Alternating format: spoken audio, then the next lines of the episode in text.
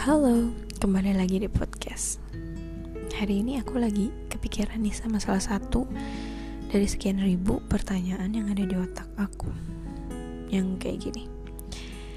Kenapa sih kok kamu diem aja? Kok gak ngelakuin A, B, C supaya kamu bangkit dari kesedihan kamu? Intinya sih kurang lebih kayak gitu. Kadang aku ngerasa udah terlalu jenuh sih dengan itu semua.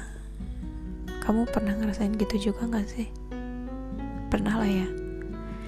Sebenarnya gini. Um, gak semua cerita harus aku ceritain ke orang. Gak semua sedih harus aku gambarkan ke orang. Dan gak semua perjuangan harus aku dokumentasikan juga.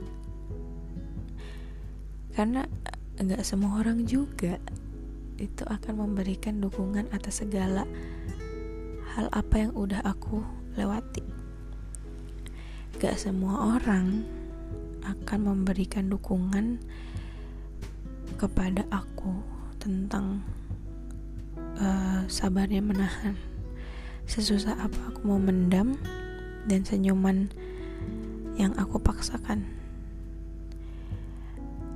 Uh, aku paham bahwa setiap kesedihan itu harus segera bangkit. Tapi beberapa orang itu it will take time a little bit longer gitu lah. Aku yakin setiap manusia yang lahir di bumi ini adalah pasukan yang terkuat pasukan pilihan dan tersabar. Jadi berusahalah untuk gak terlalu mikirin mereka. Tapi bukan pertanda kalau kamu jadi gak peduli dengan sekitar. Tapi kan gini yang tahu tubuh dan perasaan kamu ya cuma diri kamu sendiri. Itu aja mikirnya. Yang terpenting sekarang adalah kamu tahu langkah apa yang akan kamu ambil setelah ini. Kamu tahu arah mana yang akan kamu tuju. Dan kamu udah menggenggam erat-erat harapan harapan baru yang akan kamu wujudkan. Gak perlu kamu ceritain ke orang-orang, karena yang pertama, beberapa orang akan gak peduli-peduli amat. Yang kedua, akan ada beberapa orang yang mencibir,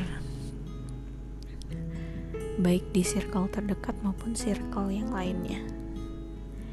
Dan yang terakhir itu biasanya kalau diceritain ke orang, apalagi ke halayak umum, biasanya suka nggak terjadi tuh.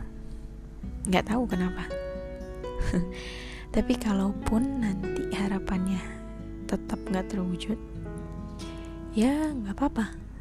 Justru kamu harus berterima kasih sama harapan yang gagal itu karena pada akhirnya uh, kamu bisa terbangun di pagi hari dan senyum pun bisa terukir menghiasi wajah kamu seharian dan hal yang paling penting bahwa akhirnya kamu telah sampai pada titik yang jauh jauh lebih baik dari harapan gagal itu so apa pun yang terjadi tell to yourself that you are really proud of you and what you're doing oke okay?